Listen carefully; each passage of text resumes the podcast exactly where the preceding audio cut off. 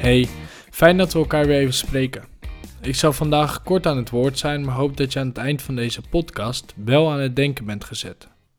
Laat ik beginnen bij een wandeling. Het was middag, precies dat moment van de zonnige dag dat ik besluit om niet meer in de zon te gaan zitten. Dan maar een wandeling waarbij voldoende verfrissende wind en schaduw aanwezig was op de stoep om het aangenaam te hebben. Ik kon het niet laten om te stoppen voor de etalage van een boekwinkel. Mijn boek lag namelijk thuis en ik was daar niet. In de winkel mochten acht mensen. Gelukkig was ik nummer drie, dus veilig en binnen de regels. Even tussenstukje. Ik vind het soms best lastig om een middenweg te vinden die wel voldoet aan de richtlijnen, andere mensen in veiligheid houdt en waarbij het ook draaglijk blijft tot 1 juni. Maar goed, wie weet gaat een boek lezen in de zon helpen, want daar was ik met mijn vrouw gebleven. Ik ging dus een boekwinkel binnen na het lezen van de winkelregels. Deze zag ik in het begin eigenlijk best vaak over het hoofd. Ik zag de briefjes gewoon niet hangen en zie een tafeltje met plastic handschoentjes.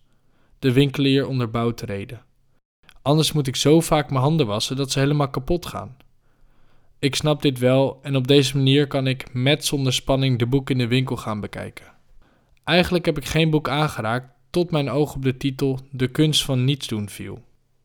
Ik draai het boek om en lees de achterkant.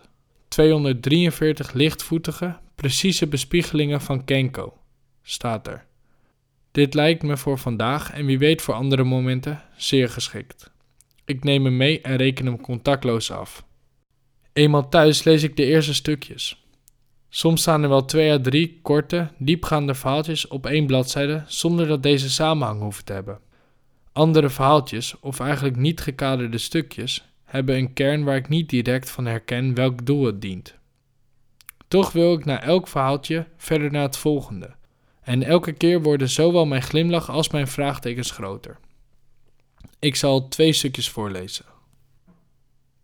10. Hoe tijdelijk een woning ook mag wezen, een huis dat volkomen naar wens is ingericht, volgens de smaak van de eigenaar, is iets heerlijks. Waar een edel en stijlvol iemand in alle rust resideert, ziet zelfs het naar binnen vallende maanlicht er aandoenlijker uit. Zo'n huis is niet nieuwerwets of opzichtig. De bijbehorende bomen hebben een achtbare ouderdom bereikt. De gewassen in de tuin lijken er zomaar op los te groeien en getuigen van zielsverfijning. De veranda en de houten omheining zijn aangelegd met goede smaak. Binnenhuis zijn alle spullen achteloos neergezet en bieden een ouderwets, rustgevende aanblik. Alles is er even relevant. 11. Op een dag in de tiende maand ging ik op bezoek bij iemand die in een afgelegen bergdorpje woont. Ik baande me weg over een smal, met mos overgroeid pad tot aan een eenzaam hutje. Er viel geen enkel geluid te horen behalve het water dat neerdruppelde uit een bamboehouten pijp die helemaal onder de gevallen bladeren zat. De losjes gerangschikte grisanten en esdoorntakken op de altaarplank duidden op menselijke aanwezigheid. Kijk eens aan, dacht ik diep geroerd. Zo kan je dus ook wonen. Maar ik werd enigszins ontnuchterd door de aanblik van een enorme mandarijnboom achteraan in de tuin. Zijn takken waren beladen met vruchten en hij werd beschermd door een ferm hek.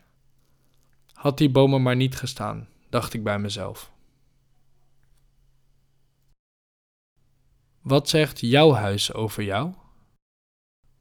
Spiegelt jouw slaapkamer een eigenschap van jou? Staat er een boom omheind met hek in jouw achtertuin? Wat dit ook mag betekenen. Welterusten.